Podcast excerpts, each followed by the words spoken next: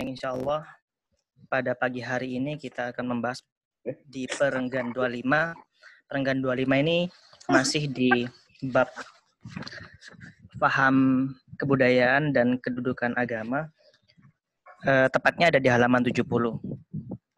Eh, sebelumnya saya ucapkan terima kasih pada Ustadz Holili yang sudah menyempatkan waktunya untuk mendaras meskipun tidak offline lagi kita sementara online mendarasnya dan juga saya mewakili uh, teman-teman Perpah Kurma dan ITJ Surabaya mengucapkan terima kasih pada teman-teman ITJ Malang yang bersedia uh, meng menggunakan akun Zoom-nya untuk daras program pada kesempatan kali ini. Baik, mungkin sebelum kita mulai uh, himbauan kepada teman-teman yang audionya masih nyala bisa di mute terlebih dahulu atau disenyapkan. Tombolnya kalau di PC ada di pojok kiri bawah dan insya Allah kalau di HP eh, kelihatan di layar. Ada di uh, menu di bawah juga insya Allah. Uh, baik, mungkin saya serahkan langsung pada Ustadz Holili. Pada Ustadz Holili saya persilahkan Ustadz untuk dimulai darasnya. Hmm. Bismillahirrahmanirrahim. Assalamualaikum warahmatullahi wabarakatuh. Waalaikumsalam. Bismillah walhamdulillah. Wassalatu wassalamu ala rasulillah. Wa ala alihi wa sahbihi wa man wala. La hawla wa la quwata illa billah. Subhanaka la ilma lana illa ma 'allamtana innaka antal alimul hakim.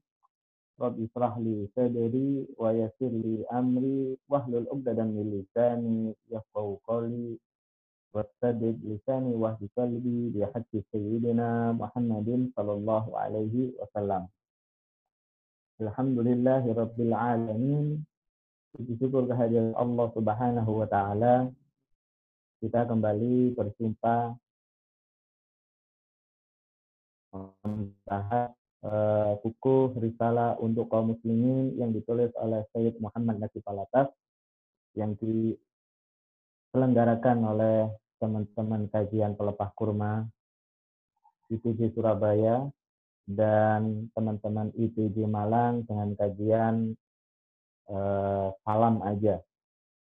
Ya.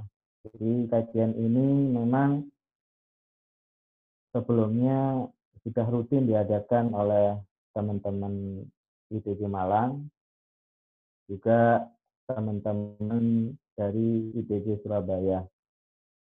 Dan, dan kondisi kita sekarang ini eh, tidak memungkinkan kita untuk kajian offline, akhirnya kita teruskan.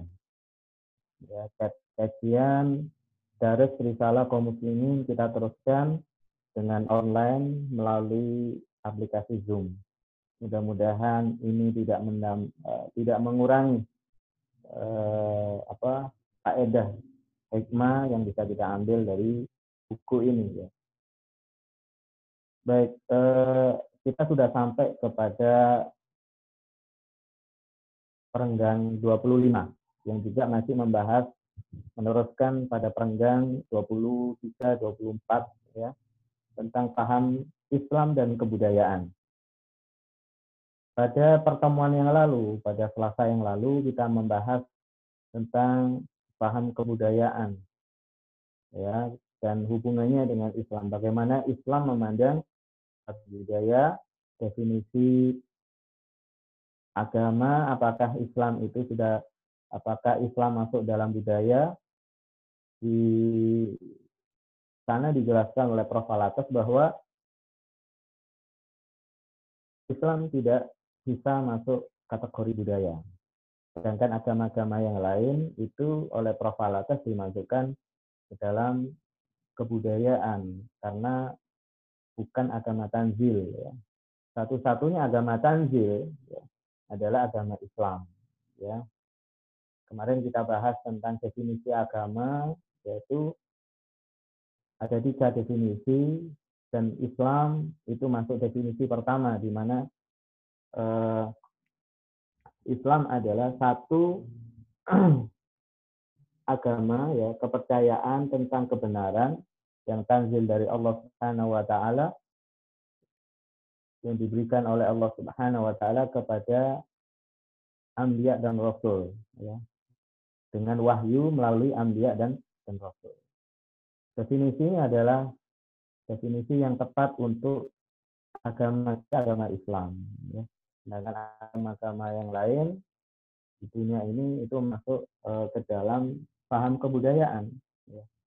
Nah, pada paham yang ke-25 ini, ya, Prof. Alatas mengatakan bahwa kita mengatakan bahwa penerimaan akal insan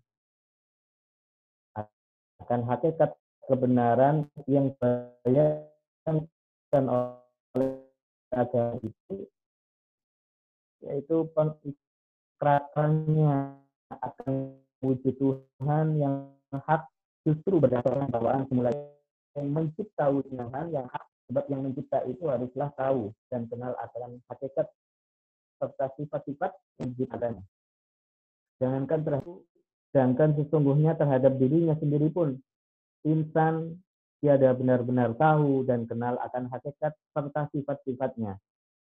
Jikalau ada yang bertanya, apakah bukti bahwa cipta ciptaan raya ini adalah perbuatan suatu pencipta, kita akan jawab seperti di perenggangan 13, bahwa insan yang kini berdiri tegak sempurna ini pada suatu ketika dahulu setitik mani, kemudian seketul darah mengental, kemudian janin segumpal, kemudian tulang dan darah dan daging. Di sini Prof. Alatas membahas tentang konsep penciptaan yang terkait dengan tauhid. Ya, nanti ini paham tauhid yang dijelaskan oleh Prof. Alatas yang terkait dengan e, tentang kewujudan, ya, kewujudan makhluk, khususnya kewujudan manusia. Ya, di sini Prof. Alatas menggunakan paradigma e, teologi madhab Ash'ari dalam menjelaskan tentang e, konsep wujud. Ya. Di sini Prof. atas kalimat pertama menjelaskan ya. Ini perlu di, diperhatikan kalimat pertama. Manusia, ya, manusia itu akal manusia. Di sini akal manusia itu bisa menerima kebenaran yang dibayangkan oleh agama. Maksudnya manusia menerima kebenaran itu melalui agama. Ya, kebenaran melalui agama dari Tuhan, dari Allah Subhanahu wa taala. Bagaimana manusia itu? Manusia di sini apa? Manusia seluruhnya. Manusia seluruhnya. Yaitu mereka akal manusia pernah ikrar di sini. Ya, pernah ikrar akan wujudnya Tuhan yang hak akan wujudnya Allah Subhanahu wa taala berdasarkan bawaan bawaan semula, semula jadinya. Maksudnya berdasarkan asal usulnya. Nah, di sini kita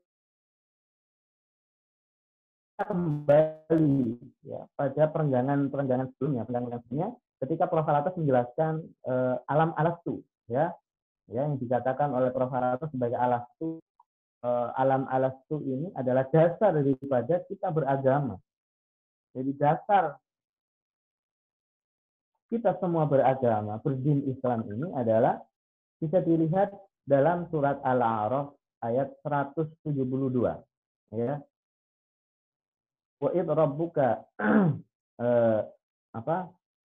Eh, kemarin itu surat Al-A'raf ayat 172 wa rabbuka min bani adama min duhurihim ya dzurriyyatahum alastu bi rabbikum qalu bala syahidna ya ketika itu pada saat manusia belum diwujudkan dalam bentuk yang seperti ini ya ya dalam wujud yang seperti ini itu Prof. menyebut itu manusia berada dalam alam alastu istilahnya. Karena itu dari apa dari ayat Al-Qur'an alastu bi rabbikum qalu bala. Uh, ini ada yang komentar ini ya. Mungkin di teman-teman admin ada Ustadz Saat ini belum bisa connect ke sini ya. Itu mohon di, dipandu. Di share linknya ke Bu Yulia IPJ. Bu Yulia mungkin bisa share ke Ustadz Saat tentang apa linknya ini ada komentar dari Ustadz Saat. Saya nggak bisa uh, masuk ke Zoom ini. Share ya. Baik, kita lanjutkan. Jadi dalam alam alastu itu Profalatas menyebut ini adalah kondisi sebagai pre-separation. Itu dijelaskan dalam uh, buku beliau uh, Prolegomena to the Metaphysics of Separation. Ya, Qoblal Farq. Ya, sebelum sebelum masa sebelum keterpisahan gitu. Itu ada pembahasan nanti. Nah, di sini Profalatas mengutip uh, Imam Al-Junaid ya eh, ada satu kitab Imam Al Junaid Risalah Al Junaid namanya Risalah dalam kitab Risalah Risalah Al Junaid itu satu bab eh, beliau menulis satu bab tentang kita ya. Kitabul Misak itu oleh Imam Al Junaid ditulis oleh Imam Al Junaid Kitabul Misak kitab perjanjian di sini adalah penjelasan tentang ayat Al-A'raf 172 itu bahwa manusia bahwa manusia itu bisa uh, pada masa alam alastu ya pre-separation itu pernah mengikat janji dengan Allah Subhanahu wa taala. Maka uh, Imam Al-Junaid menulis, uh, menulis babnya itu dengan kitabul misak ya. Karena terkait dengan perjanjian ya, perjanjian uh, manusia dengan Tuhannya. Nah, di situ Prof. Alatas menjelaskan bahwa manusia di masa itu ikrar, ya, ikrar e, bersumpah, ya, bagaimana dijelaskan dalam ayat e, Al-Quran tersebut, tu birabbikum qalu bala, ya, manusia menjawab qalu bala. Ini semua semua manusia yang menjawab qalu bala ini semua manusia, setiap manusia itu mengucapkan ikrar di situ. Ya, sehingga di sini konsep fitrah itu bermula dari sini. Dan manusia kita ini semua manusia beragama, beragama Islam, ya terutama kita meyakini bahwa kita beragama itu adalah perjalanan ya dididik oleh agama menuju menuju Allah. Menuju Allah itu bagaimana maksudnya? Makanya dalam istilah-istilah tasawuf itu dikenal ada al-wusul ya, usul itu sampai kepada sampai kepada kepada Allah ya. Ini Ustaz Saat kayaknya nggak nggak sabun di grup ITC kayaknya. Itu bisa dicapri saja beliaunya. Ya, bisa dicapri beliau yang punya nomornya ya. Nah, ketika itu manusia mengikat diikat janji oleh Allah Subhanahu wa taala sehingga semua manusia itu punya potensi ya. punya potensi untuk apa untuk mengenal Allah mengenal Tuhannya beriman kepada Allah nah, maka di sini eh, Imam Al Maturidi itu punya hujah di apa di kalangan madhab Al Maturidi ada hujah bahwa manusia itu bisa ma'rifah kepada Allah, bisa kenal Allah. Artinya bisa mengetahui, bisa e, meyakini akan wujud Allah itu tanpa dalil syarat. Dengan akal, ya cukup dengan akal itu manusia bisa bisa makrifat kepada Allah.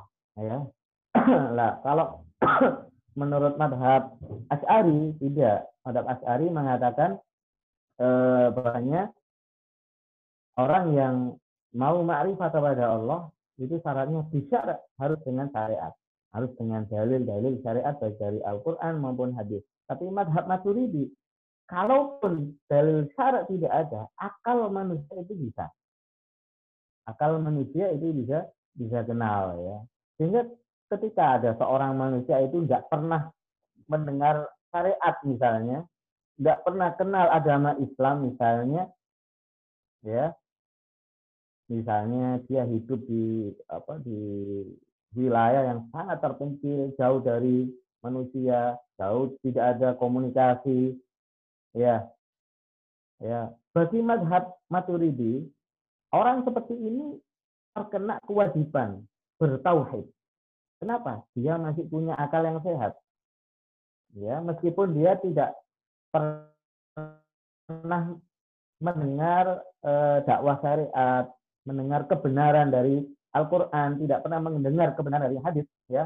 E, dalam madhab maturidi itu sudah cukup.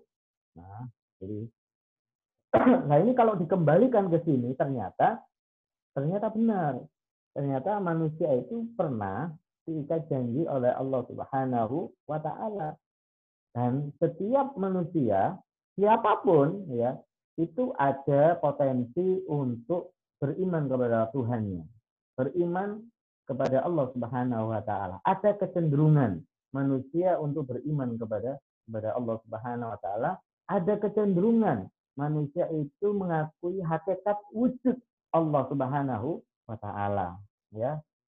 Tidak Islam, orang-orang yang non muslim yang tidak Islam atau bahkan yang mengaku ateis itu masih ada fitrahnya ya, masih ada fitrahnya untuk mengakui hakikat kewujudan Allah Subhanahu wa taala.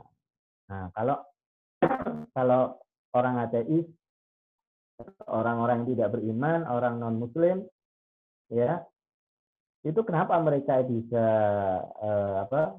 Bisa seperti itu ya, tidak mengakui kewujudan Tuhan, sudah mendengarkan dakwah, sudah tahu mendengarkan syariat dalil-dalilnya, ya. Itu kembali kepada hadis Rasulullah Shallallahu Alaihi Wasallam, "Kullu mauludin yuladu alal fitrah. Fa inna ma abawahu yuhawidani au yunasirani au yumajjisani." Maksudnya adalah setiap manusia yang lahir dalam keadaan fitrah. Fitrah itu suci, artinya hatinya suci, pikirannya suci, maka dalam madhab Asy'ari dan Maturidi juga dan mayoritas alusunnah wal jamaah kalau bayi yang baru lahir baik bayi itu orang tuanya orang tua Islam atau orang tuanya orang kafir meninggal, maka bayi ini termasuk bayi yang selamat, masuk surga nanti. Kenapa? Itu. Kullu mauludin yuladu alal. Kemudian hadis dilanjutkan fa nama abawahu yuhawidani au yunassiranihi. Ya. Tetapi kedua orang tuanya yang membuat anak itu menjadi Yahudi, bisa menjadi Nasrani, bisa menjadi Majusi atau menjadi yang lainnya. Nah, ini maksudnya apa hadis ini? Kalimat ini. Kalimat ini hakikatnya manusia itu beriman, mengakui kewujudan Allah Subhanahu wa taala, tetapi kemudian mereka itu ghafil. Maka dalam surat Al-A'raf ayat 172 itu ada lanjutan wa in kunna an hadza ghafilin jadi nanti di akhirat itu ditanya, masing-masing manusia ditanya oleh Allah Subhanahu wa taala, orang kafir yang tidak percaya wujudan Tuhan itu juga ditanya oleh Allah Subhanahu wa taala, kenapa Anda tidak beriman? Ya.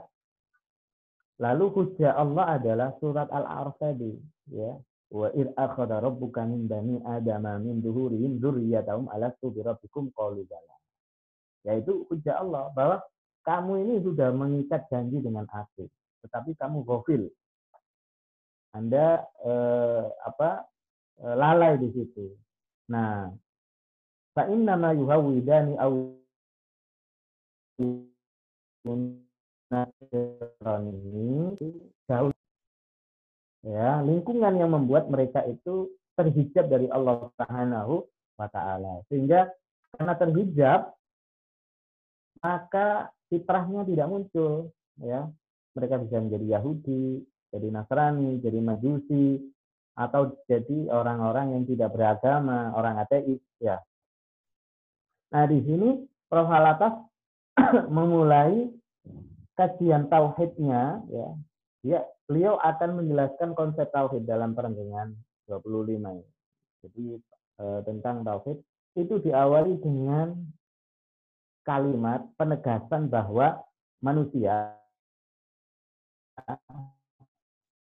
akal manusia ya, itu menerima kebenaran tentang Tuhannya melalui agama.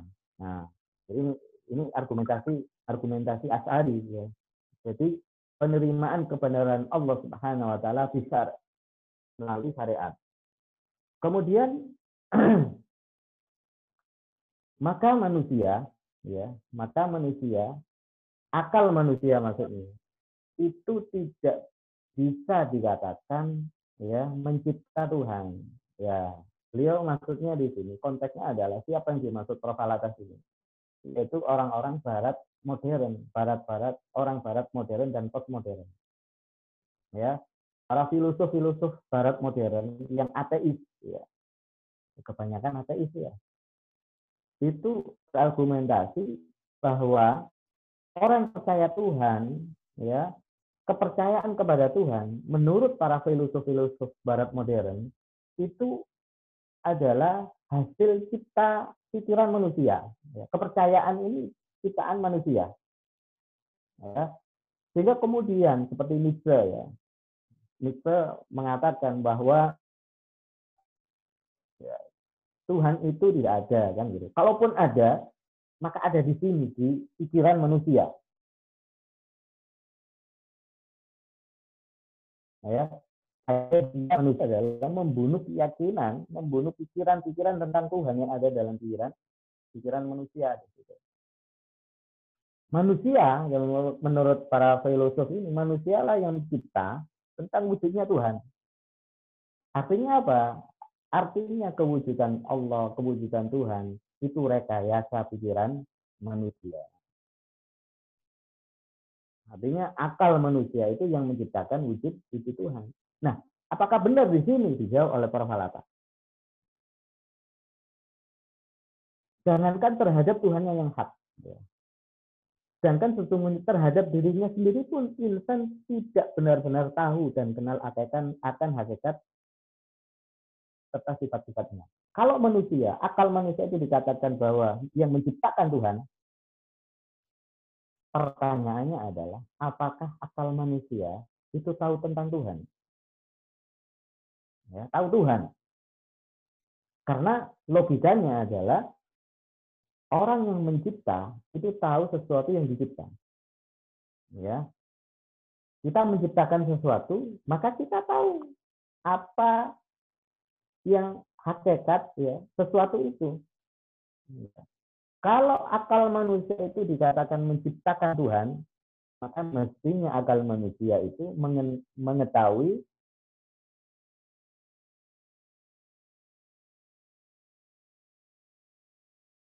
Tuhan. Tidak usah jauh Tidak usah jauh-jauh mengenal Tuhan. Kenali diri kamu. Itu tidak mampu manusia itu mengenal dirinya dengan dengan sempurna dengan baik. Maka di sini yang eh, dikatakan man arafa rabbah man arafa nafsa faqad arafa rabbah barang siapa yang kenal eh, dirinya maka dia kenal Allah Subhanahu wa taala jadi di sini maka kenali coba kenali diri kamu sudah kenal apa enggak ya sudah kenal apa enggak nah tentang kewujudan Allah Subhanahu wa taala tentang penciptaan manusia ya itu telah disinggung oleh Prof. Alatas eh, pada perenggang 13 ya. Perenggang 13 ini mencipta, eh, menjelaskan tentang surat Al-Mu'minun ayat 12 sampai 14. Walaqad khalaqnal insana min sulalatin min sulalatin min Jadi manusia itu dicipta ya, dicipta. Manusia itu diciptakan oleh oleh oleh Allah dari setitik sperma. Ya, summa ja'alna nutfatan fi qararin makin ثم خلقنا النطفة علقة فخلقنا العلقة مضغة فخلقنا المضغة عظاما فكسونا العظام لحما ثم أنشأناه خلقا آخر فتبارك الله أحسن الخالقين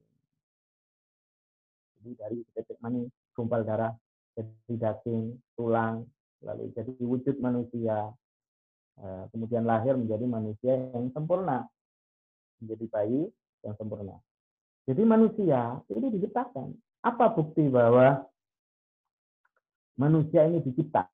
Ya. Dan yang mencipta ini adalah adalah Tuhan, adalah Allah Subhanahu wa taala. karena manusia itu tidak mampu ya untuk mengendalikan dirinya. Jasadnya ini tidak ada mampu karena nah begini jadi eh, ada pertanyaan nih ya. Pertanyaan. Pertanyaannya adalah Tuhan Allah hari ini sedang ngapain? Ya. Jawabannya apa kira-kira? Allah hari ini sedang ngapain? Gitu ya beliau sedang bekerja ya. Lalu apa pekerjaan Allah sekarang? Mencipta. Jadi setiap hari Allah Subhanahu wa taala mencipta dan memusnahkan. Mencipta dan memusnahkan ya. Ciptakan dan memusnahkan makhluk ya. Contoh saja manusia diri kita sendiri ya kita ini tetap apa tidak Ya. Kita ini tetap apa berubah gitu. Kita selalu berubah. Maksudnya jasad kita, fisik kita selalu berubah. Nah, selalu berubah. Ada sel-sel yang mati, ya. Kemudian diganti dengan sel-sel yang baru. Itu tiap hari. Manusia bisa mengendalikan ini enggak? Enggak bisa.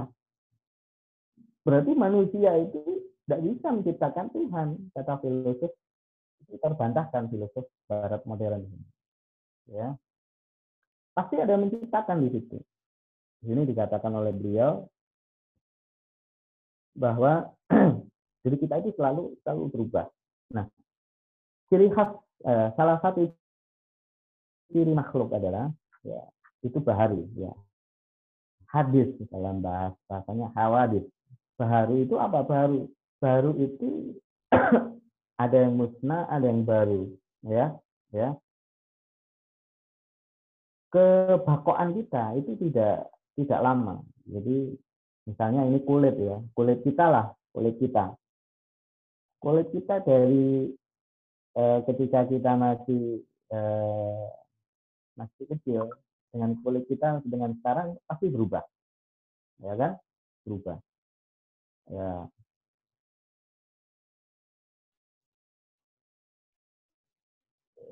dan hebat. Makanya dalam lain eh, di dalam perenggangan sebelumnya dikatakan kalau nggak salah perenggangan 14 atau 15 dikatakan oleh Prof. Alatas bahwa manusia diciptakan dalam kondisi yang sempurna. Ya setiap hari Allah itu mengurus kita jadi peduli dengan kita. Jadi Allah Subhanahu Wa Taala mengurus kita setiap hari. Buktinya apa? Kita itu dalam kondisi sehat, dalam kondisi yang apa ya eh, terkendali kita. Karena seluruh tubuh kita itu tumbuh, ya rambut kita tumbuh, ya kulit kita itu selalu berganti, ya. Tapi persoalannya tidak semua anggota badan ini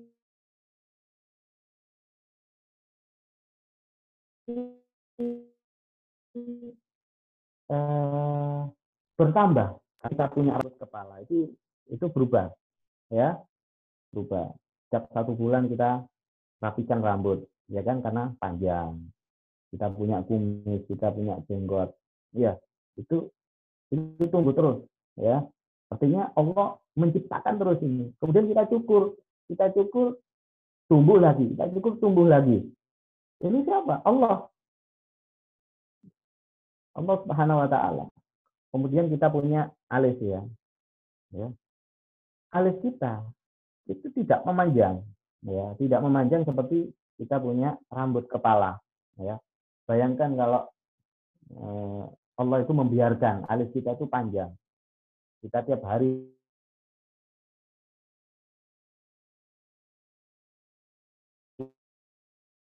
merapikan untuk potong alis ya benar ya. Kalau kuku itu panjang panjang ya panjang ya. Kalau dibiarkan itu bisa panjang muter-muter ya. Eh, hidung itu nggak tambah panjang tetap ya.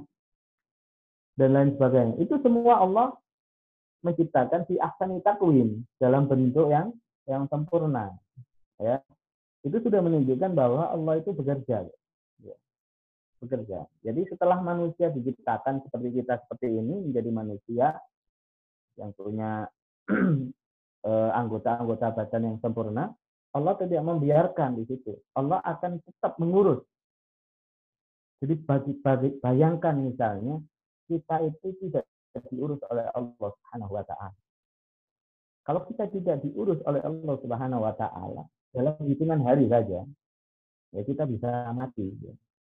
Kita bisa kelingkungan, ya, kelimpungan, ya. E, kulit kita tidak terbarui, sel-sel kita tidak terbarui, oh, itu bahaya bagi kesehatan. Bisa mati. Manusia bisa bisa mati. nah ini kita sebagai orang Islam dituntut untuk memperhatikan kita sendiri.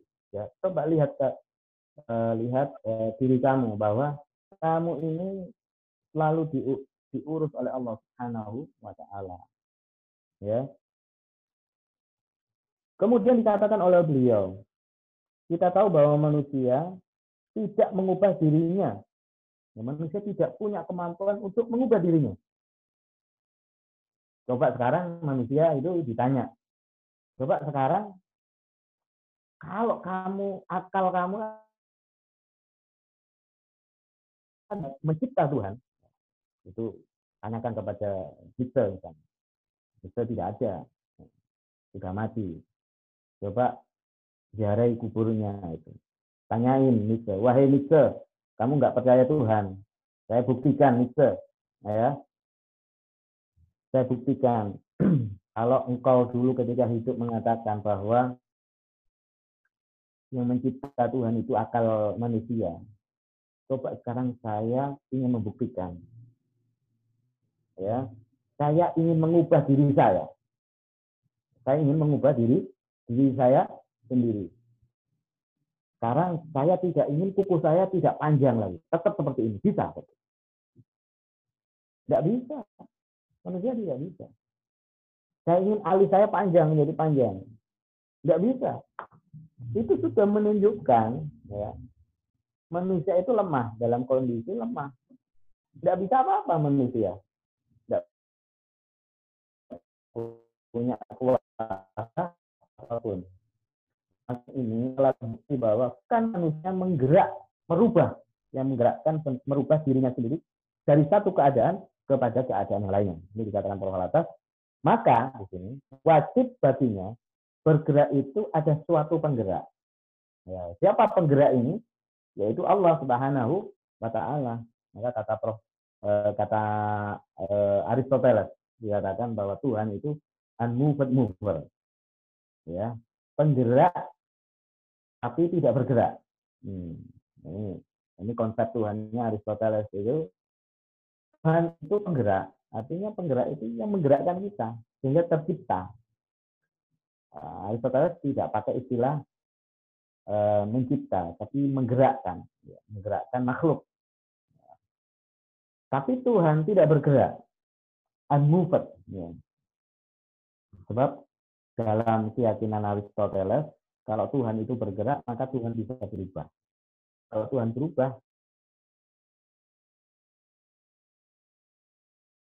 maka mustahil uh, bisa uh, bisa menjadi dua, bisa menjadi tiga. Itu keyakinan Aristoteles. Ya. Keyakinan kita, terutama ahli sunnah tidak seperti tauhidnya. Kemudian juga ada yang bertanya, mengapa kamu mengaku bahwa pencipta itu tiada sama seperti ciptaannya?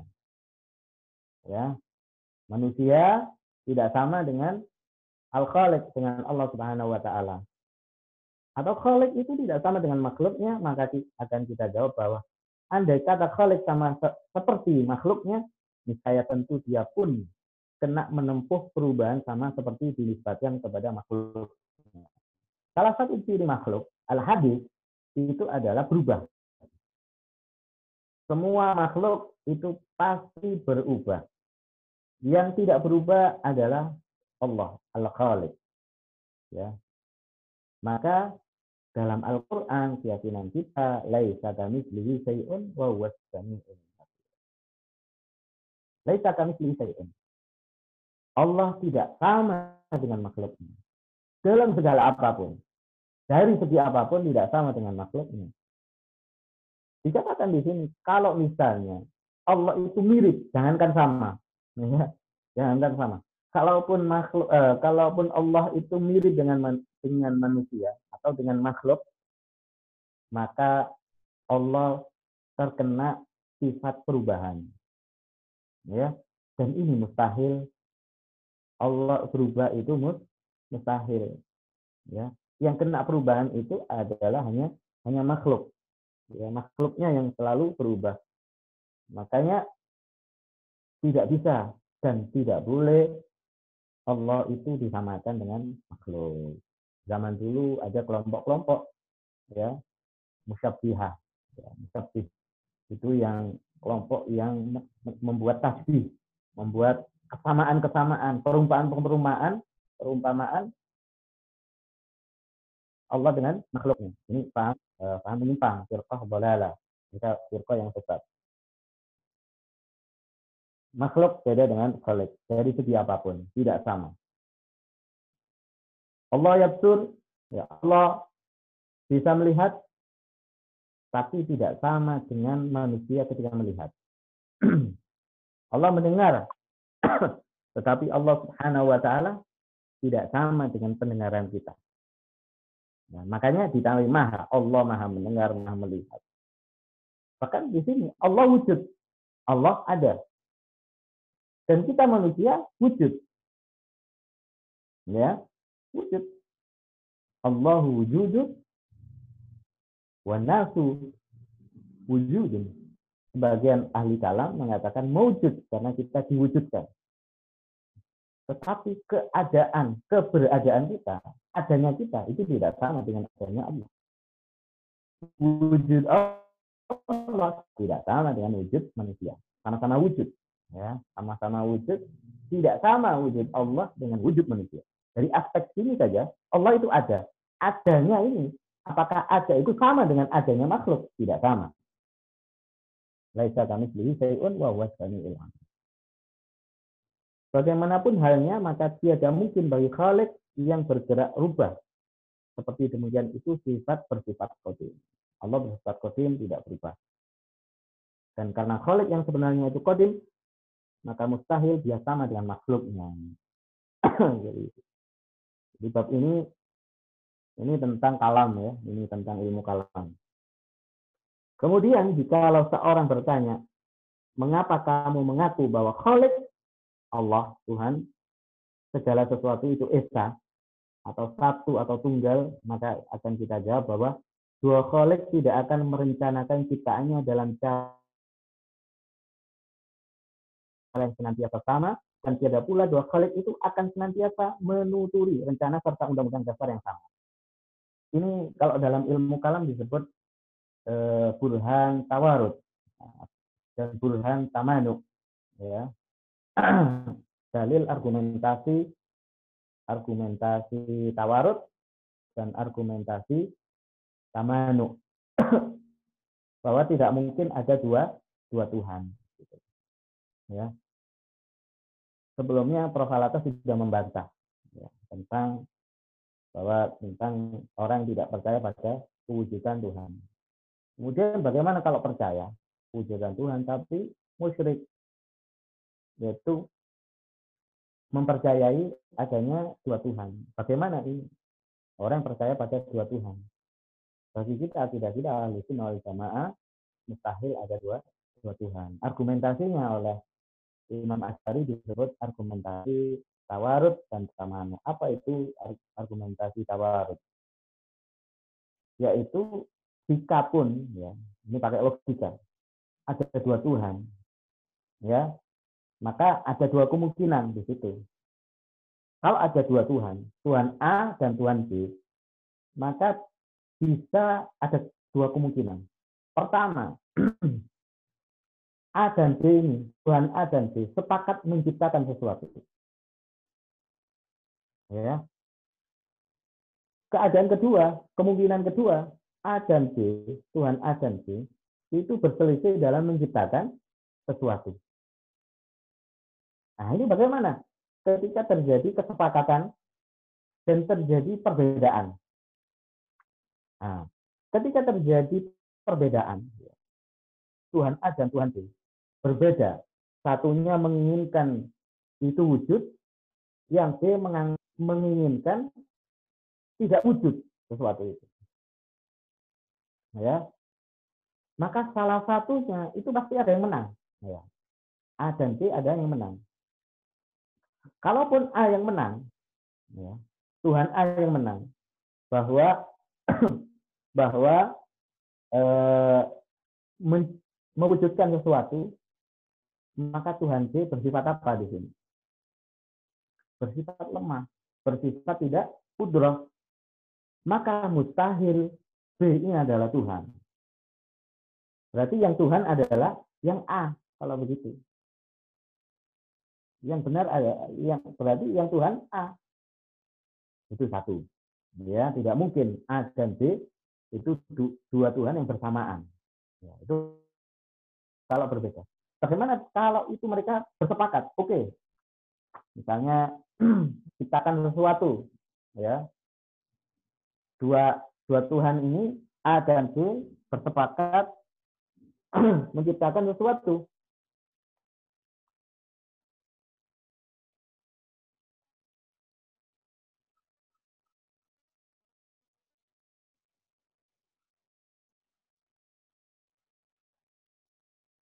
Wa tafaqa dikatakan di sini dalam Tuhfatul Murid. Fa ini tafaqa fala jaiza ayu ayu didahuma ma'an. Kalau bersepakat ya. Itu tidak bisa mereka itu menciptakan dengan bersamaan. Misalnya A dan B sepakat. Ayo kita sepakat menciptakan pisang goreng misalnya menciptakan makhluk bernama pisang pisang goreng. Ya. Eh, ini dikatakan salah jaiz. Tidak, tidak bisa ya seperti itu. Ayu didahu ma'an. Menciptakan pisang goreng dengan bersama-sama. Kok begitu? Allah tazam istima'u mu'asirina ala asarin wahid. Ya, berkumpulnya dua muasir ya. apa muasir itu? Muasir itu yang eh, yang membuat akibat ya yang membuat akibat. Ya bahasa Jawanya itu labet ya bahasa Jawa kuno ya bahasa kuno itu labet. Orang-orang kuno ya orang bahasa halus ya. Itu tidak bisa kumpul dalam satu akibat yang sama jadi dua akibat, eh, dua sebab, ya, dua penyebab, maaf.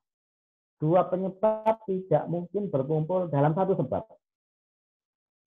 Nah ini ilmu ilmu mantik ya, ilmu logika. Dua sebab tidak bisa berkumpul dalam satu sebab. Ya.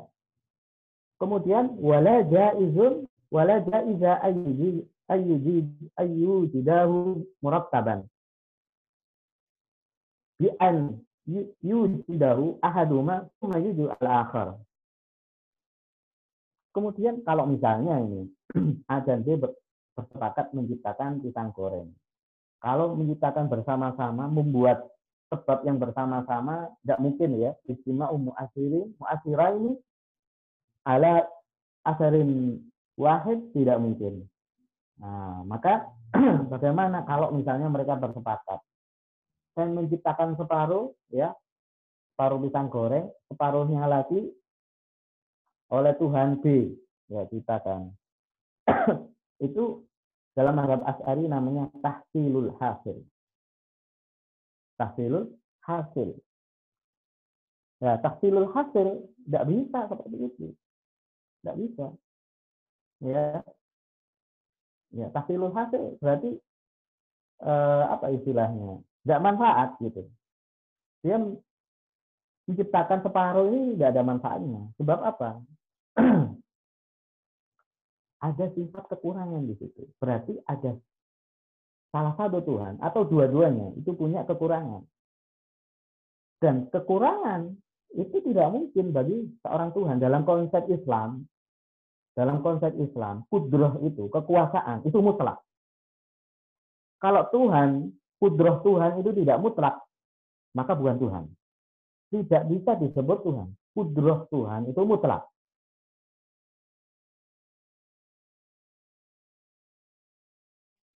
Separuh-separuh. Sehingga di sini dikatakan Kalau begitu caranya, ya kalau begitu caranya, maka cukup Tuhan satu. Ya, cukup Tuhan Tuhan yang satu. Ini namanya dalil tawarud. Yang yang pertama dari dalil tamanu itu dalam mazhab Asy'ari. Ya. Nah, di sini eh, dikatakan oleh beliau maka kedua pilihan yang ada tersebut itu mustahil dapat berlaku. Ya, antara yang sepakat dan tidak sepakat itu mustahil. Ya, jadi kalau misalnya berbeda itu bukan berbeda tidak mungkin harus ada satu yang sama kan. Ya, kalau memang harus ada sesuatu itu wujud sesuatu itu. Ya, nah ini bisa dipahami mudah-mudahan bisa dipahami ya.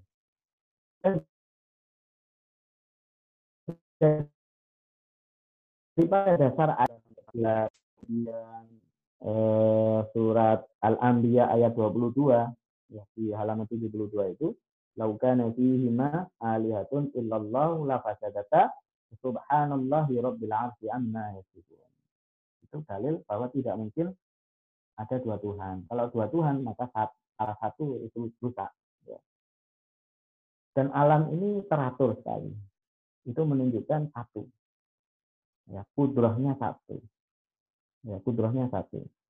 Nah, kita bertauhid itu bagaimana? Pertama, tauhidun fi zat, tauhidun sifat, tauhidun fil af'al. Ya, tauhid itu ada tiga makna. Tauhid dalam zat, tauhid dalam sifat, dan tauhid dalam af'al. Ya, kita mentauhidkan Allah dalam zat. Artinya Allah itu tidak terdiri dari juzuk-juzuk bagian-bagian. Ya. Maka teori atom itu diciptakan oleh dikembangkan dalam madhab As'ari itu sebagai argumentasi bahwa Khalik dengan makhluk itu tidak sama. Bahwa atom itu ada dalam diri manusia. Ya. Tuhan tidak beratom. Gitu. Ya, kalau Tuhan beratom, maka Tuhan bisa berubah dan bisa musnah. Gitu. Daripada ayat-ayat tadi, ya Imam Agung kita, Imam As'ari, seribu tahun yang lalu telah merumuskan hujah-hujah untuk menangkis, memberantas, dan menjawab golongan yang keliru, berpuak-puak, yang menyeleweng, dan yang menyebarkan bid'ah. Zaman dulu bid'ah itu dari kalangan Mu'tazilah. Imam As'ari melawan Mu'tazilah. Kemudian di sini Prof. Alatas ingin mengaitkan dengan eh, yang akan dibahas dalam perenggan setelahnya yaitu pilunan dan seterusnya akan dibahas. Jadi cabaran-cabaran, cabaran itu tantangan ya. Cabaran ilmiah pada zaman dulu bid'ah adalah dari kalangan Mu'tazilah, Qadariyah. Sekarang adalah pemikiran-pemikiran paham-paham dari eh, barat modern dari paham kebudayaan ini kita lagi sekarang itu untuk mengingatkan kaum muslimin. Artinya apa? Halaman 72 di situ, baris akhir, para terakhir dikatakan. Maka oleh itu, oleh itu, oleh karena itu, kita timbul serta gunakannya lagi. Kita nampakkan, kita gunakan lagi. Gunakan apa? Madhab Ash'ari ini ya yang dulu pernah menangkis berhasil menangkis madhab aliran Mu'tazilah itu bisa kita gunakan madhab As'ari. Teologi As'ari ini supaya jangan terpedaya dan bimbang akibat hasutan. Golongan yang keliru dan yang menyeleweng yang terkena pengaruh paham-paham kebudayaan barat. Sehingga sanggup menyebarkan berbagai bid'ah serta kepalsuan di kalangan kita hari ini. beliau pesan beliau di para terakhir gunakan madhab asari ya yang menyeimbangkan antara akal dan nakal, nakal dan akal, antara syarak dengan akal, gunakan untuk menjawab persoalan-persoalan kontemporer yang berasal dari bid'ah-bid'ah, paham-paham kebudayaan barat modern. Jadi paham-paham kebudayaan modern, itu skolarisme, ateisme, materialisme. Ini semua bid'ah semua ini. Ya, bid'ah semua. Zaman dulu itu namanya Mu'tazilah. Zaman dulu Mu'tazilah. Zaman sekarang kita lebih rumit lagi mem, eh, apa, menghadapi bid'ah pemikiran yang berupa pemikiran ateisme, sekulerisme. Maka nasihat Prof. Alatas di para terakhir buku ini ingin mengajak kaum muslimin, mari kita gunakan teologi As'ari untuk menjawab pemikiran kontemporer barat modern. Ya,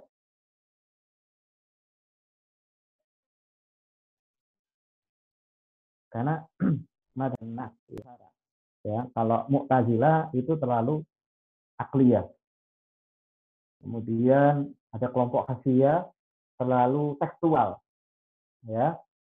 As'ari itu dengan logikanya dengan ilmu manteknya ya itu menurut Prof. itu bisa dipakai untuk menjawab persoalan-persoalan sekularisme ateisme ya. Tinggal kita bagaimana mengembangkan ini. Sehingga itulah yang disebut e, memperbarui kalam ya. kalam. Bahkan Prof. tidak sampai di situ. Nanti akan dibahas. Ini ini masih kalam ya. Nanti kalau pembahasan berikutnya itu pada sampai metafisika. Metafisika tasawuf karena uh, teologi Asy'ari ini membuka ya membuka membuka apa pintu menuju apa menuju uh, uh, pembuktian wujud itu melalui jalan metafisika tasawuf ya begitu. Ya kalau karena kewujudan masalah wujud dan kewujudan konsep wujud kalau dalam bahasa filsafat itu ontologi ya ontologi itu telah menjadi pembahasan yang sangat lama di kalangan para filosof para pemikir zaman dulu ya itu sudah mereka membahas filosof-filosof Yunani itu sudah membahas tentang hakikat wujud dan kewujudan itu bahkan sebelum Aristoteles dan Socrates. Kira-kira 600 tahun sebelum Aristoteles itu ada filosof bernama Thales yang mengatakan bahwa segala sesuatu berasal dari air. Berasal dari air. Kemudian diteruskan oleh Socrates, Plato, Aristoteles, sampai barat modern Martin Heidegger ya. Itu teori eh, teori kewujudan kemudian di kalangan umat Islam. Sehingga Barat modern dari teori kewujudan ini menghasilkan apa? Menghasilkan aliran-aliran filsafat. Ada aliran idealisme aliran materialisme aliran rasionalisme aliran empirisisme kemudian dari para filosof muslim juga tentang kewujudan ini ada dua aliran, ada aliran eksistensialisme, ada aliran esensialisme. Nah, itu nanti dibahas di prolog Menati dan Metaphysics of Islam dijelaskan oleh Prof. Wan dalam buku eh, prak, eh, apa, amalan dan eh, dalam filsafat pendidikan Islam Prof. Nasi Palatah itu dijelaskan di bab pertama tentang bab metafisika. Walhasil itu semua kata eh, pemikiran-pemikiran Prosalata baik yang bertumpu pada teologi As'ari maupun bertumpu pada metafisika para sufi ya dari Al-Junaid, Al-Junaidi dan Al-Ghazali itu semua untuk menjawab tantangan pemikiran barat modern. Saya, saya kira itu eh, penjelasan daripada perenggangan ke-25. Mudah-mudahan kita bisa mengambil manfaatnya eh, simpulannya ini bahas tentang tauhid dan mudah-mudahan kita bisa mendapatkan eh, apa pencerahan dari dari ini. Wallah alam kita eh, apa kembalikan ke moderator. Terima Baik. kasih. Assalamualaikum warahmatullahi wabarakatuh. Waalaikumsalam warahmatullahi wabarakatuh. Mungkin uh, kita gunakan waktu setengah jam ini dari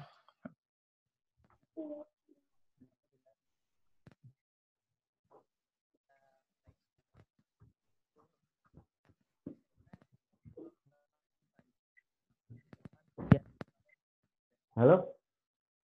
Dan ini ada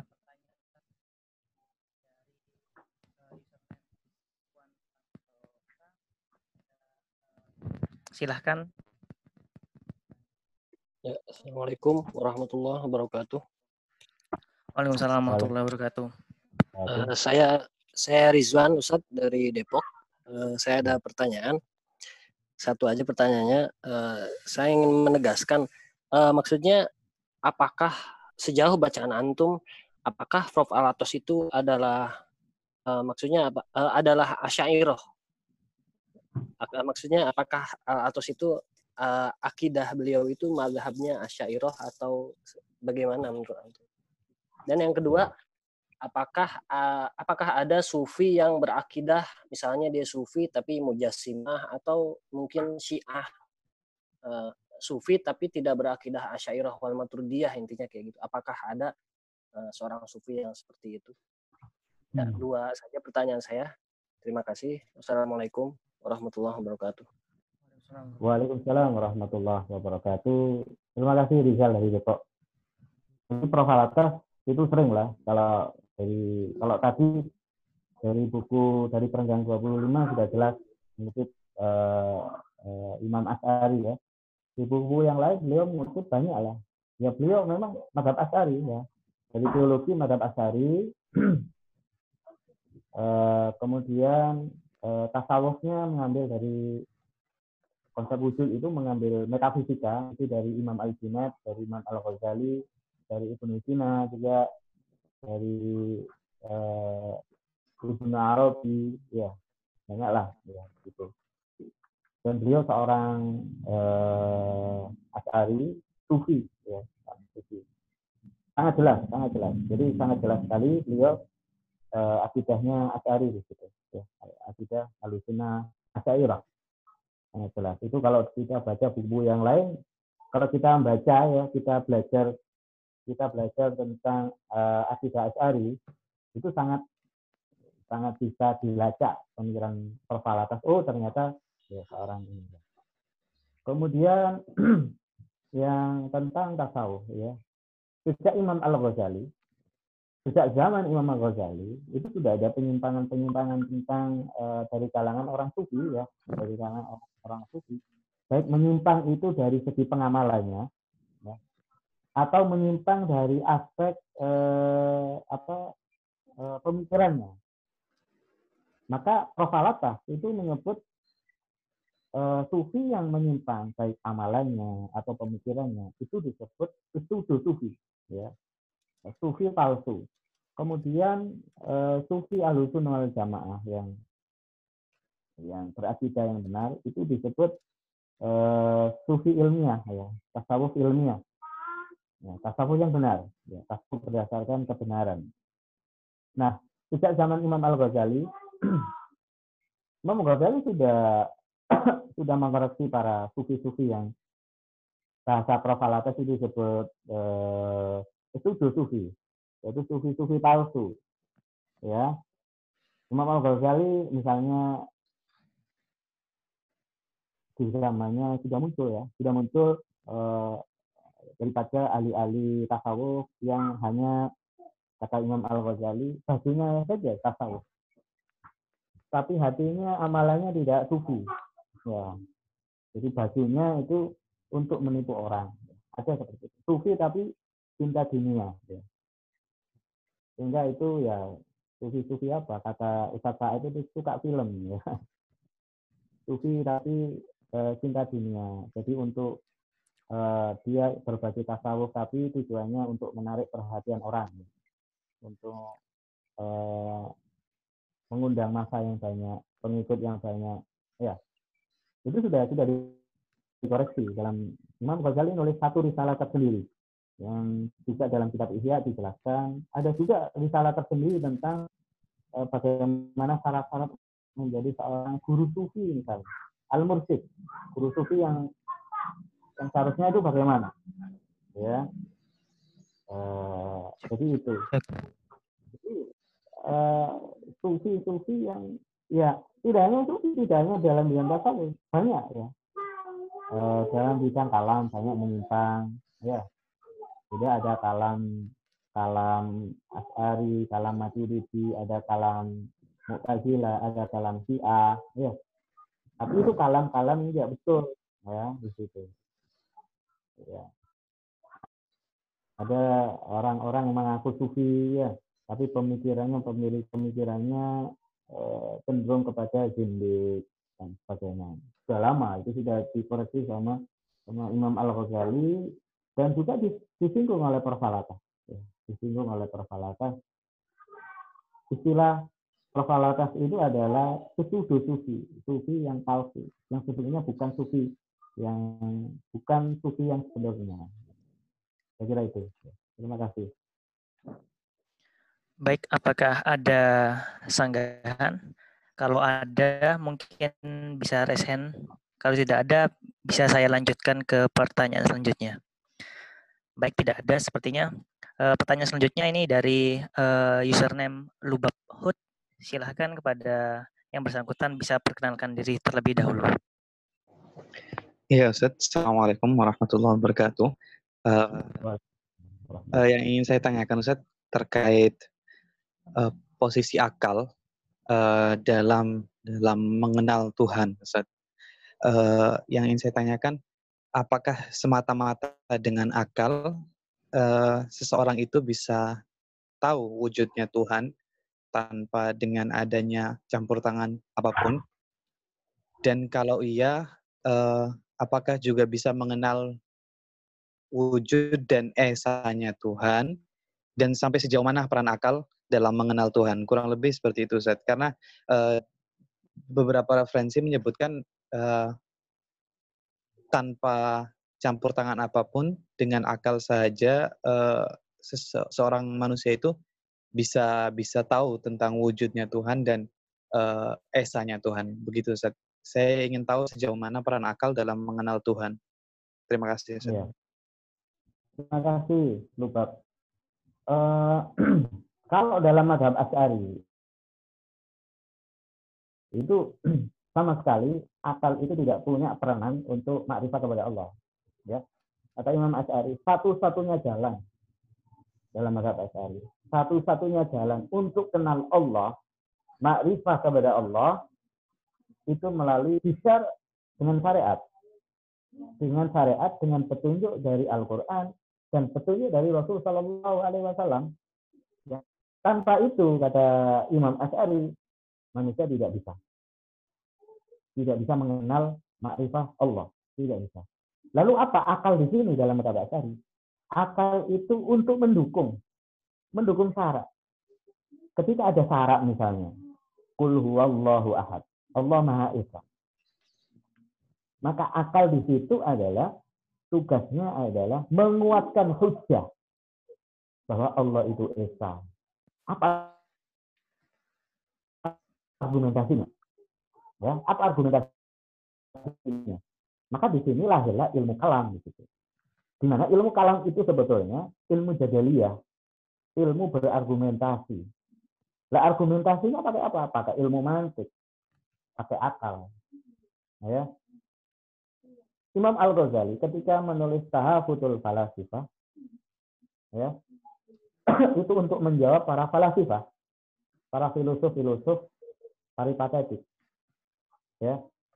Tetapi Imam Al Ghazali tidak banyak mengutip, bahkan tidak ada mengutip dalil Al-Quran dan, dan hadis.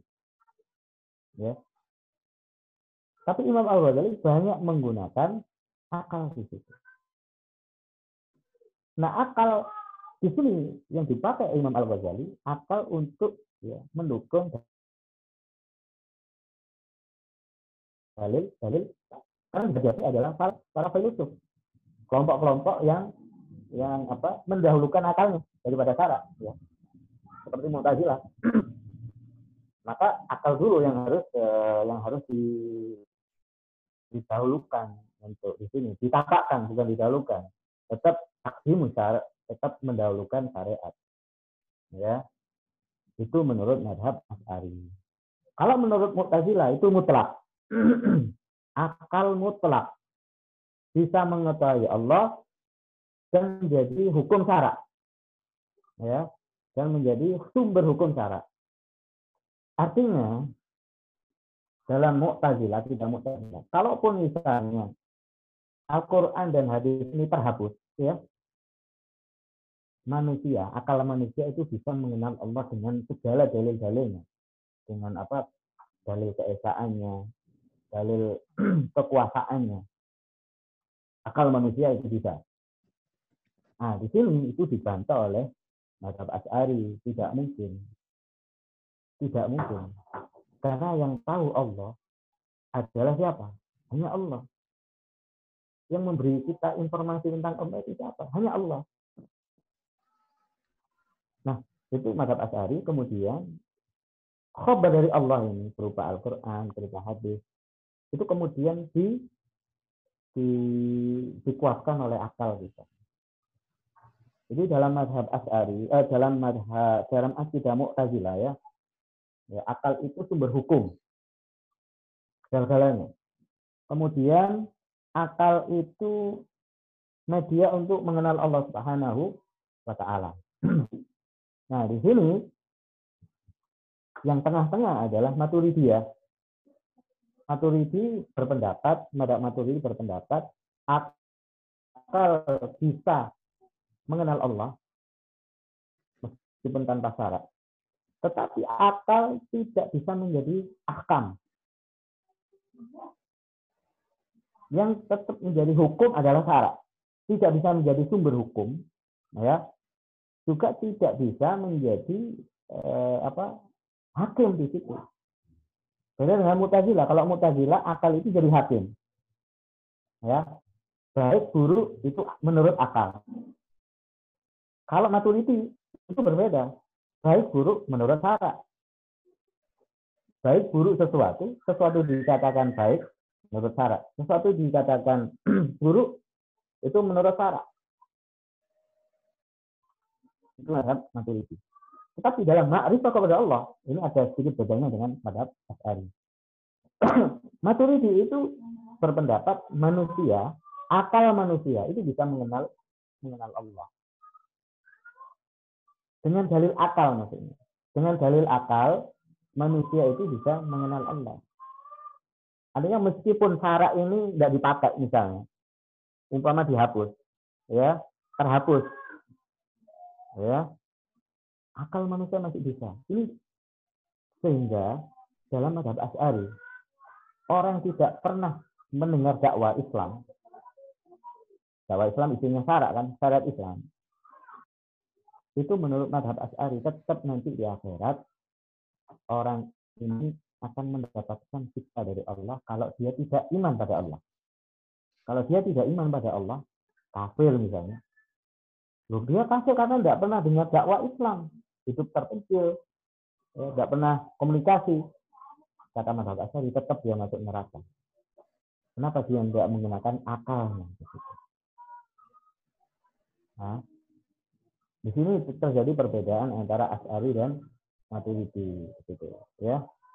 Eh, tetapi kita harus juga kembali pada pemahaman apa itu akal gitu. Ya. Akal yang dipahami oleh para mazhab Ahlussunnah wal Jamaah eh, dari Maturidi, dari As'ari ya. Itu akal yang dipahami oleh para ulama ya di mana pemahamannya itu tidak sama dengan dengan akal yang dipahami oleh e, barat modern di. Ya. E, karena e, akal itu tidak bertentangan dengan syarat. Ya. Kalau kita kasih baca ya e, kitab Imam Al Ghazali dalam kitab Ihya itu tentang akal dan hati ya, itu memang uh, Imam Ghazali kan tidak membedakan beda fungsi ya akal dengan hati di situ. Beda fungsi akal itu di kitab asro kitab asrul qalb. Kitab rahasia rahasia hati itu bisa dipelajari beliau membahas tentang konsep hati dan konsep akal. Ya di situ jadi uh, hati itu bisa mengenal kebenaran bisa melihat kebenaran gitu ya kalau kita kembali pada surat al-a'raf ayat 172 ya 172 maka bisa. Nah, maturity ini ya, saya ingin menegaskan lagi, Maksudnya makrifah ini apa di situ? Akal bisa makrifah kepada Allah. Itu dalam konteks hanya akal itu mengakui keesaan Allah, itu saja. Adapun konsep keesaan dan lain-lain sebagainya itu melalui syarat tetap. Ketika um, seseorang manusia mengakui keesaan Allah, maka ada konsekuensi hukum di situ kan. Nah, dalam maturidi tetap konsekuensi hukum ini kembali pada syarat. Tetapi keesaan Allah, Allah itu esa, itu bisa dibuktikan oleh akal. Akal maturidi ya. Eh, Sebenarnya kalau kita menarik, kalau kita pelajari apa perbedaan akal menurut Islam dengan akal menurut Barat modern. Barat modern itu akal itu bahasa filsafatnya akal diskursif, ya. akal diskursif. Akal-akal ini yang disebut reason, tapi tidak sampai pada intelek, ya. ya akal, akal. Jadi sebetulnya pemahaman konsep akal dalam barat itu rendah kalau kita kembali pada metafisika Islam, akal itu sangat tinggi. Akal itu pembahasan tinggi. Ya, lebih canggih istilahnya, lebih canggih dari konsep reason yang dipahami oleh para filosof filosof barat modern. Ya. Dan kadang-kadang kita memahami akal itu sampai pada reason, ya. sampai pada itu, pada eh, akal tidak sampai pada konsep yang intelek gitu ya. Dan itu eh, bisa dibaca, bisa antum baca di tulisannya Ustaz Henry Salahuddin, konsep akal Mu'tazilah dengan ahli sunnah. Di tulisannya eh, atau baca saja ini eh, kitab Ihya tentang mafhumul akal wal qalb ya. Mafhumul akal wal qalb saya kira itu ya dari Lubak. Terima kasih. Baik, terima kasih kepada Mas Lubab. Uh, kemudian ini ada pertanyaan lagi Ustaz dari uh, username Kamil. Silahkan perkenalkan diri terlebih dahulu. Ya, Bismillahirrahmanirrahim. Assalamualaikum warahmatullahi wabarakatuh, Ustaz. Waalaikumsalam warahmatullahi wabarakatuh. Ya, uh, Ustaz, tadi kan Ustaz kan sempat menyinggung masalah ontologi ya Ustadz ya. Di mana dari ontologi ini lahir uh, aliran-aliran filsafat mobil khusus dalam Islam sendiri ada aliran filsafat uh, eksistensialisme dan esensialisme. Nah, dua aliran dua aliran ini bagaimana Ustadz? Mungkin Anas sendiri masih kurang jelas juga untuk uh, aliran esensialisme dan aliran eksistensialisme. So, gitu Ustadz. Iya. Nah. Terima kasih Mas Kamil. Jadi eh, dalam masalah wujud eh, ini menurut Prof. Alatas ya, ini Prof. Alatas eh, dalam konsep wujud dalam metafisika wujud dalam tradisi Islam itu terbagi menjadi dua madhab besar ya. Satu madhab eh, esensialis, dua madhab eksistensialis. Ya. Dalam Barat modern, filosof Barat ini juga ada, ya seperti itu. tetapi nanti ya, tetapi berbeda. Eksistensialisme itu dianuti oleh para para sufi, para ahli tasawuf. Dari kata eksis, eksis itu wujud, ya. Eksistensialisme itu wujud. Bahwa maksudnya apa eksistensialisme? Wujud itu sama dengan zat. Ya satu zat itu sama dengan wujud satu ya. Yaitu tidak membedakan antara eh, wujud dengan essence ya. wujud dengan essence wujud dengan mahia. Itu tidak tidak dibedakan oleh para ahli tasawuf. Dan sebagian ahli kalam dari kalangan ahli sunnah wal jamaah. Kemudian esensialisme esensialisme ini banyak diamini oleh para falasifa dan mutakalim ya bagian mutakalim ya. Kalau asari mutakalim asari ya yang itu banyak yang cenderung kepada sufi ya. Akhirnya eh, cenderung kepada ada yang cenderung kepada eksistensialisme. Tapi sebagian juga itu eksistensialisme. Ya, eksistensialisme itu membedakan antara mahia dengan wujud. Dengan essence, dengan eksis itu tidak sama. Ya, ya itu kan masalah ada, masalah being ya. ya. Jadi menurut madhab esensialisme, being itu ada itu ya di hakikat ada itu ya essence ya hakikat ada itu adalah dinamakan essence mahia Nah, bagi eksistensialisme tidak, itu jadi satu, bahkan itu menjadi jadi arab, jadi sifat, iya, jadi sifatnya. Ini perbedaan antara eh, eksistensialisme dan esensialisme. Nah, esensialisme itu cenderung pada eh, sedikit materi, ya, bohir. Nah, adapun eksistensialisme itu lebih kepada spiritual, ya, lebih kepada spiritual, lebih kepada batin, ya, aliran batin. Nah, para ahli filsafat barat itu esensialisme. Tapi esensialisme barat dengan esensialisme dalam dalam para muslim ya eh, dalam mutakalim itu berbeda. Termasuk eh, penganut esensialisme itu adalah eh, Ibnu Sina, Al-Farabi yang gitu. Itu dari kalangan kita. Nah, barat itu juga esensialisme. Esensial. Tetapi esensialisme barat modern yang itu eh, esensialisme yang eh, ekstrim. esensialisme sangat esensial sehingga mereka menjadi materialisme. Ya. Misalnya memandang alam itu berhenti ya ketika berbicara sains itu mereka berhenti pada alam saja. Ya, alam. Berhenti pada sifat-sifat alam itu. Berhenti pada to, tobiah tobiah. Ya. Mawaraat tobiah mereka tidak sampai di situ. Makanya bahasa Arab eh, metafisik itu mawaro atau ya. Apa eh, sesuatu setelah yang dibalik dibalik tabiah aspek yang fisik. Ya. jadi esensialisme itu cenderung physically cenderung physically. Eksistensialisme itu cenderung uh, spiritually spiritual ya. Begitu uh, saintis-saintis muslim ya itu banyak yang terutama dari kalangan falasifa itu banyak esensialisme. Nah, ada juga ya eh, yang ilmuwan, yang pendekiawan, yang eksistensialisme seperti Imam. Eh, termasuk eksistensialisme.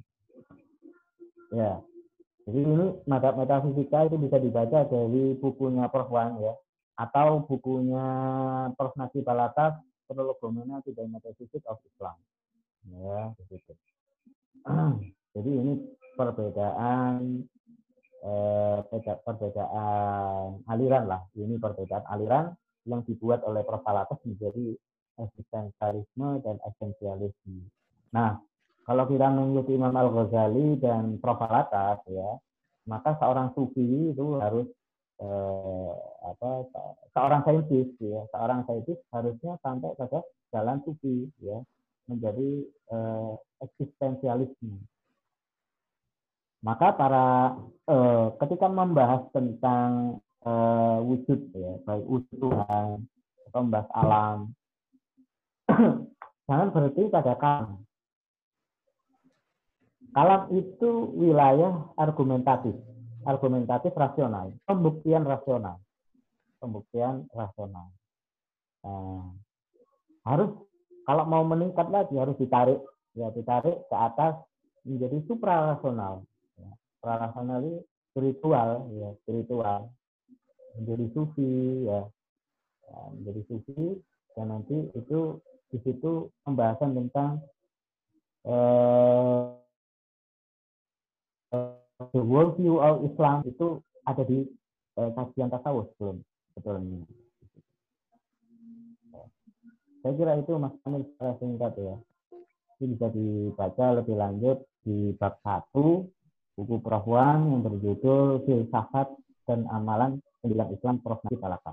Bisa baca gitu tentang metafisika dasar Jepang. Terima kasih. Uh,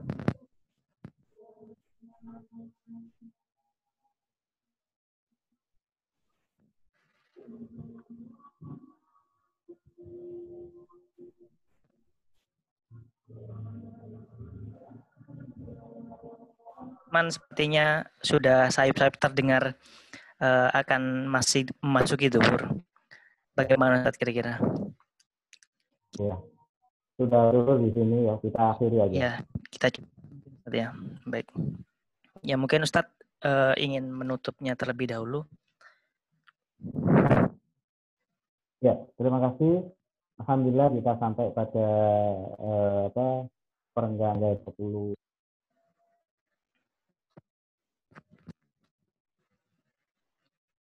kita sampai kepada perenggan 20 26 ya kita sampai pada situ Insya Allah kita akan lanjutkan pembahasan-pembahasan ini dan kajian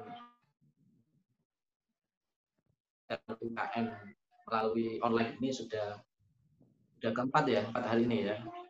Empat keempat. Sebelumnya sudah kita dapat offline. Sebelumnya offline mudah-mudahan kita bisa mengambil banyak manfaat dari sini karena buku ini ya sekali lagi buku Risalah kaum muslimin itu sangat dianjurkan dibaca oleh teman-teman untuk memahami persoalan kontemporer untuk memahami dasar-dasar masalah yang dihadapi umat Islam. Itu ada di sini di Risalah kaum muslimin ini bisa dibaca bisa dipelajari di sini dasar-dasar dan itu kalau kita belajar saya sering mendapatkan pertanyaan Belajar Wolfi itu dari mana? Baca uh, buku risalah untuk kaum muslimin. Di antaranya itu, itu sangat recommended bagi kita teman-teman yang belajar Islamic worldview. Baik di situ memahami persoalan-persoalan dasar, konsep-konsep dasar, dan kalau membaca, mempelajari sesuatu kita harus fokus ya, fokus mempelajari, membaca buku. Itu nasihat Prof. Alata sudah bacalah buku-buku yang penting jangan buku baca buku-buku yang tidak penting. Kalau kita sudah fokus di situ, ya baca tentang yang penting. Maka kalau eh, yang otoritatif tentunya, sehingga kita bisa mengambil manfaat, ya banyak. Saya sendiri merasakan banyak mengambil manfaat dari sini ya dari buku Risalah kaum muslimin eh, ketika kami ada di kelas perempuan di Dalwa itu ya. Alhamdulillah ada kesempatan satu semester dengan berguru dengan beliau. Saya sering bertanya kepada beliau tentang persoalan-persoalan juga yang ada dalam buku risalah dalam Islam dan sekularisme yang beliau bahas dalam kebudayaan uh, Alhamdulillah banyak banyak manfaat. Yang penting baca ya, baca kemudian uh, mudah-mudahan ketika membaca itu ada cahaya yang masuk ke dalam hati. Sehingga kita merasa tidak tahu. Kalau orang baca kemudian sama sekali tidak ada yang masuk dalam hati, itu tidak ada cahaya misalnya, tidak ada cahaya yang masuk di situ. Ya, terima kasih. Assalamualaikum warahmatullahi wabarakatuh. Waalaikumsalam warahmatullahi wabarakatuh. Baik, terima kasih kepada Ustadz Holili dan untuk teman-teman semua. Eh, terakhir saya ingin memberitahu kepada teman-teman, apabila teman-teman ingin eh, murojaah atau belum mengikuti dari awal, bisa teman-teman kunjungi podcast. Insya Allah semua kajiannya meskipun tidak 100% karena ada beberapa yang hilang, ada dua kajian yang hilang, teman-teman masih tetap bisa mengikutinya di Spotify kami namanya Pelepah Kurma. Silahkan bisa diikuti di sana. Uh, saja. Insya Allah kita akan bertemu pekan depan untuk membahas uh, perenggan yang selanjutnya. Terima kasih namanya menghadiri. Wassalamualaikum warahmatullahi wabarakatuh. Waalaikumsalam warahmatullahi